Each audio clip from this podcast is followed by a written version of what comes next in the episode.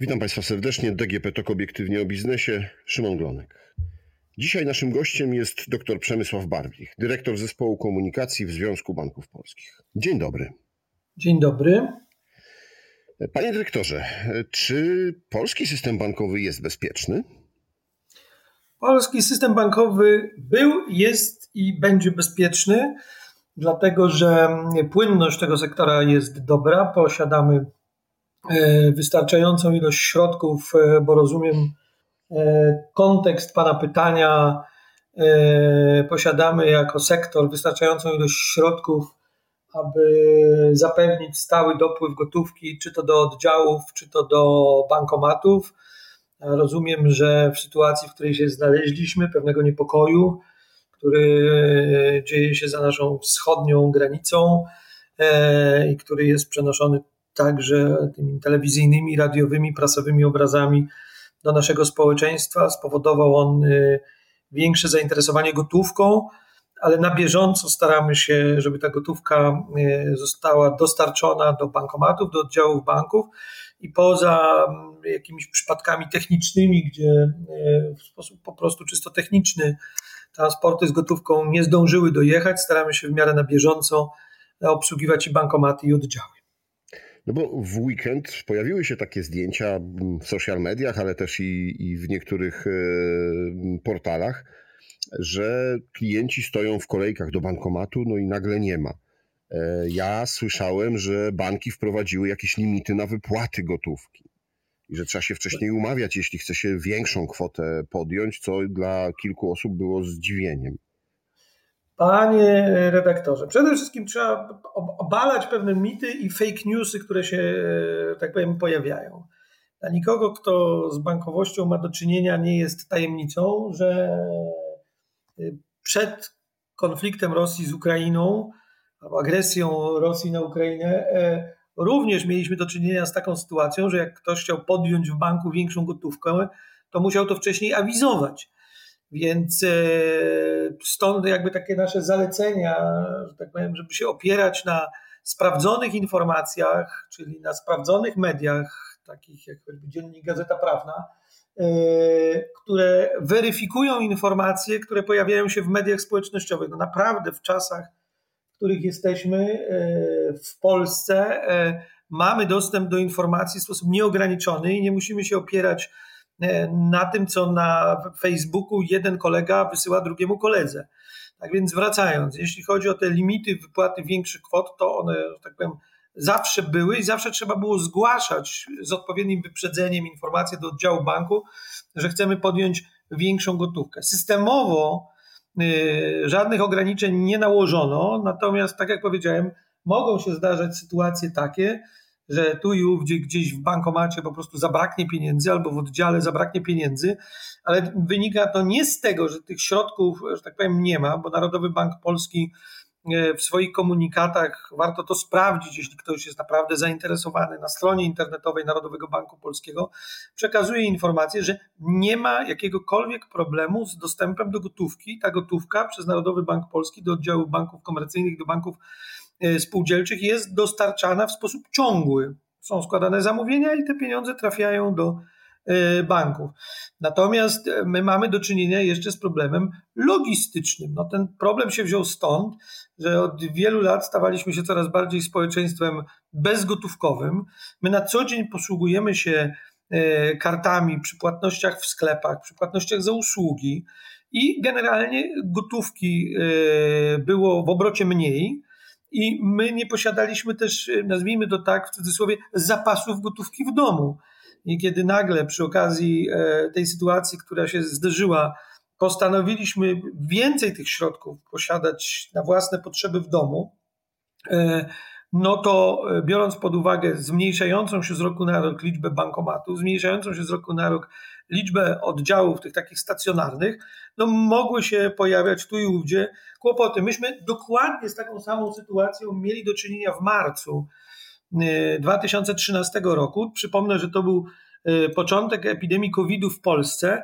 Wtedy również y, nasi klienci bardziej masowo ruszyli do oddziałów, ruszyli do bankomatów, żeby wypłacać gotówkę i po no, takich przejściowych turbulencjach, które trwały kilkadziesiąt godzin, sytuacja powróciła do normy. To znaczy, Polacy się przekonali, że pieniądze w bankomatach są, były i będą, i że nie trzeba tych zapasów, że tak powiem, w domach robić, bo poza, tak jak powiadam, czasowymi niedoborami, cały czas na bieżąco to monitorujemy i te środki są dostarczane.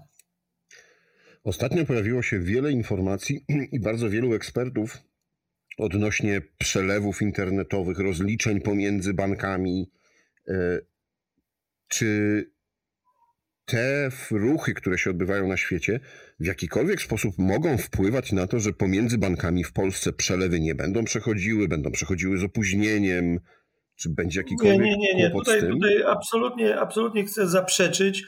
Rozumiem, że rozmawiamy tutaj o systemie e, SWIFT i blokadzie komunikacji w systemie SWIFT e, pomiędzy w zasadzie całym światem a, Rosją. Natomiast to absolutnie nie ma żadnego wpływu na funkcjonowanie e, gospodarki elektronicznej w polskim sektorze bankowym. Sesje Krajowej Izby Rozliczeniowej odbywają się regularnie, bez zakłóceń, w normalnym trybie.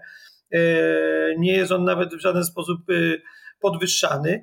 Natomiast no, rzeczywiście, i to pewnie nie jest dla nikogo z nas żadną tajemnicą, jest prowadzony cały czas stały monitoring ze względu na zagrożenia cybernetyczne, które e, były, są i pewnie będą, no ale teraz e, w okresie e, konfliktu czy agresji rosyjskiej na, na Ukrainę możemy się spodziewać, że również strony polskich banków czy, czy, czy strony infrastruktury bankowej Y, mogą być próbowane, infekowane y, różnego typu zagrożeniami, no ale tu staramy się na bieżąco tę sytuację monitorować i jak na razie, oby było tak dalej, system jest odporny na tego typu y, ataki, które, tak jak powiadam, nie są niczym nadzwyczajnym, bo to nie jest tak, że przy okazji agresji Rosji na Ukrainę nagle, że tak powiem, pojawiało, pojawiły się ataki na, na, na sektor bankowy czy sektor energetyczny w Polsce, czy na stronie administracji rządowej.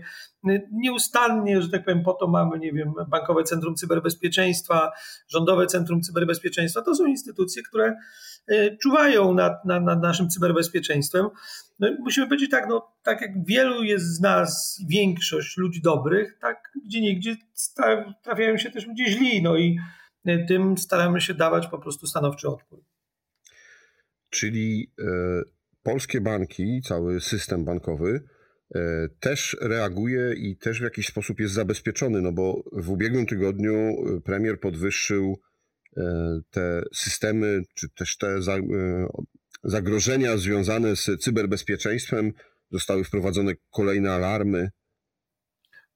No, oczywiście tak. No, mówimy tutaj o tych progach bezpieczeństwa które, że tak powiem, są podwyższane i my e, monitorujemy nieustannie sytuację, dostosowujemy jakby funkcjonowanie tych departamentów cyberbezpieczeństwa e, do tych zaleceń, które e, są nam przekazywane i to tylko i wyłącznie pokazuje, że tak powiem, z jednej strony jawność w działaniu organów rządowych, z drugiej strony sprawność, tak powiem, systemu. Nikt nie robi z tego e, tajemnicy, no i dla nikogo, e, jak rozumiem z naszych słuchaczy, z naszych czytelników, no, no nie jest za zaskoczeniem, że w, w czasie niepokoju, zagrożenia, mm, bo nie chcę używać mocniejszych słów, e, również ze strony sektora bankowego jest wzmożona czujność. No, pewnie nie mówię tutaj niczego odkrywczego.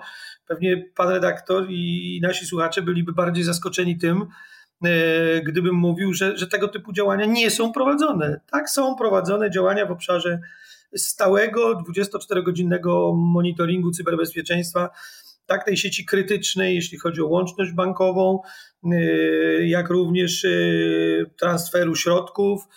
Jesteśmy w kontakcie i z Komisją Nadzoru Finansowego, i z nadzorem E, bankowym i z Narodowym Bankiem Polskim i z firmami infrastruktury bankowej.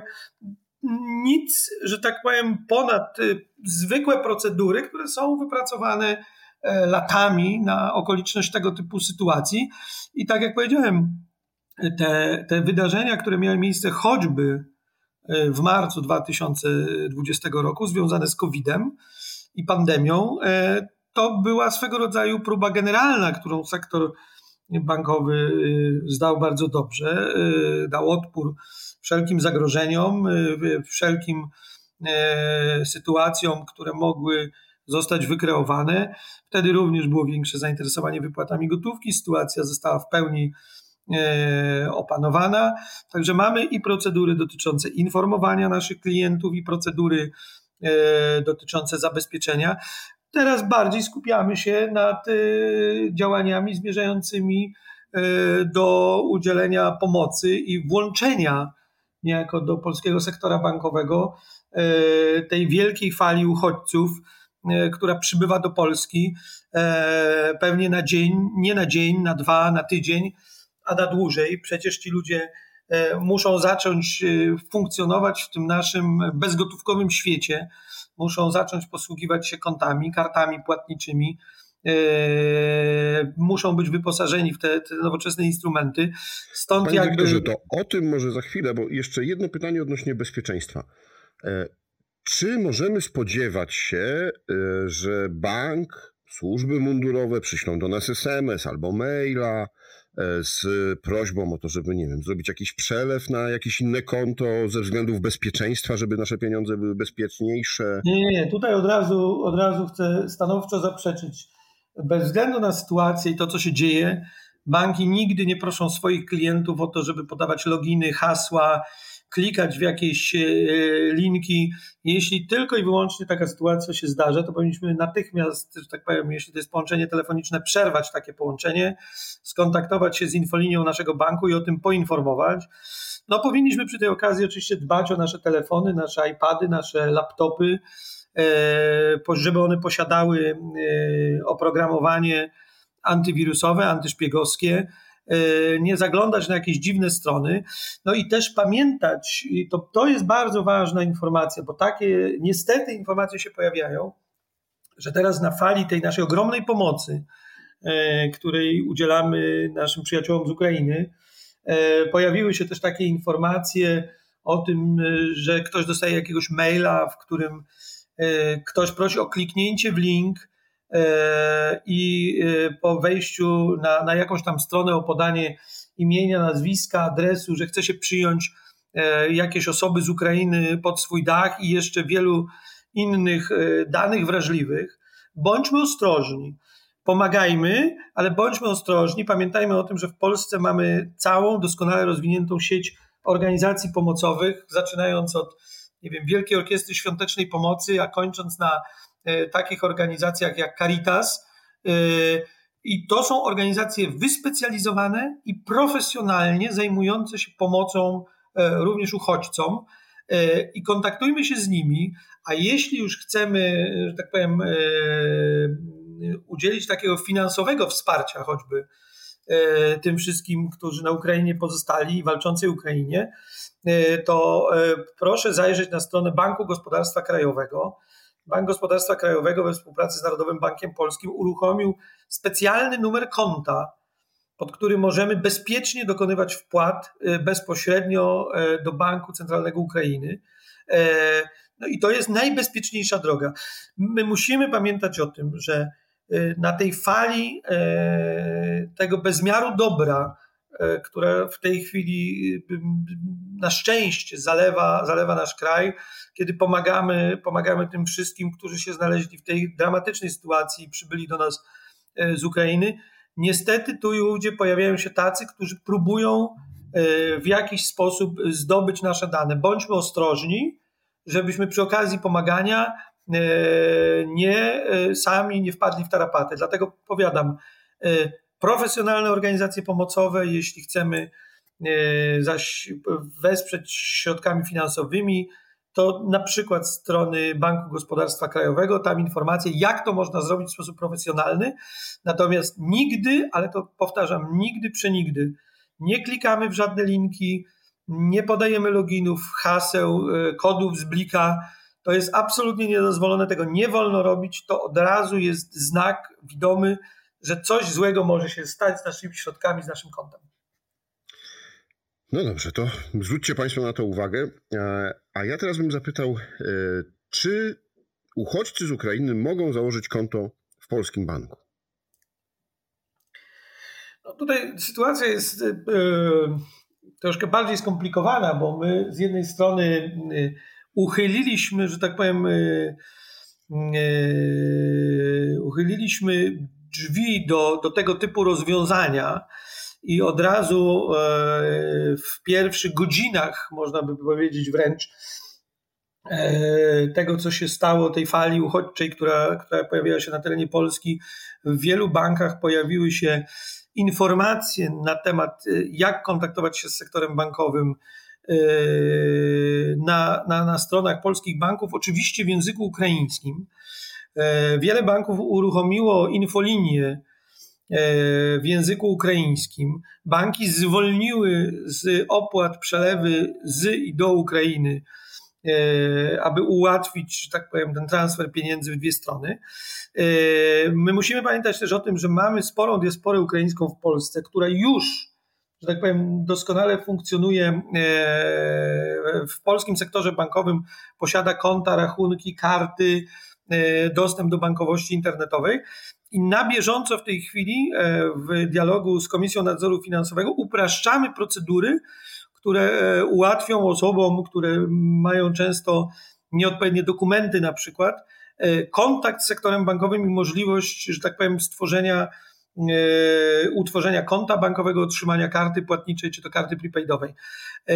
Innymi słowy, odpowiedź na to pytanie jest taka, że robimy wszystko, aby procedury możliwie uprościć i jak najszybciej dać możliwość otwierania tych kont które będą w wielu bankach bezpłatne albo już są bezpłatne dla tych, którzy z Ukrainy do Polski jako uchodźcy e, przybyli, ale no musimy z drugiej strony pamiętać o, o względach bezpieczeństwa sektora bankowego, o które pan e, redaktor cały czas pytał i musimy być bardzo przy tym ostrożni, ale mogę potwierdzić, że prowadzone są w tej chwili działania, część z nich jest już wdrożonych, które, że tak powiem, ułatwiają w znakomity sposób otwieranie tych rachunków, otrzymywanie narzędzi płatniczych w postaci kart i dostępu do bankowości internetowej. Czyli najlepiej na bieżąco sprawdzać y, stronę Związku Banków Polskich, stronę Komisji Nadzoru Finansowego? Ja e, myślę, że, że, że żeby skracać, że tak powiem, tą drogę, to wiele banków tych w charakterze europejskim działało też na, na terenie rynku ukraińskiego. Ja nie chcę tutaj wymieniać konkretnych nazw, ale wystarczy wejść na kilka podstawowych stron największych polskich banków, a może powiem tak, e, żeby bardzo szybko, bez większego problemu odnaleźć e, odnośniki na tych stronach e, do stron w języku ukraińskim, gdzie bankowcy w ukraińskim języku tłumaczą, w jaki sposób te procedury bankowe, że tak powiem, przeprowadzić jak najszybciej. Tam też można znaleźć numery telefonów na infolinie, jeśli ktoś nie posługuje się biegle internetem i podawane są numery na infolinie, gdzie również pracownicy w języku ukraińskim, bo pamiętajmy o tym, że część tej diaspory ukraińskiej, która jest już w Polsce od wielu lat, doskonale mówi po polsku, ale ci, którzy dziś przybywają do Polski, w naszym języku nie mówią, a my od wielu lat no, nie uczymy się też języka rosyjskiego, który dosyć podobny przecież do języka ukraińskiego jest. Tak więc, żeby, żeby unikać tej bariery językowej, banki otworzyły taką możliwość. Najlepiej po prostu zaglądać na strony banków, tam są najpełniejsze informacje dotyczące tego, jak sobie w danej sytuacji poradzić. Panie dyrektorze, mam nadzieję, że uspokoiliśmy trochę naszych słuchaczy. E, i e, też te emocje związane z pieniędzmi, które to pieniądze zawsze budzą emocje, jednak są e, przynajmniej powściągnięte. Dziękuję panu bardzo za rozmowę. Moim Dziękuję państwa gościem był. I do usłyszenia. Moim państwa gościem był pan Przemysław Barbik, dyrektor zespołu komunikacji w Związku Banków Polskich. Do usłyszenia.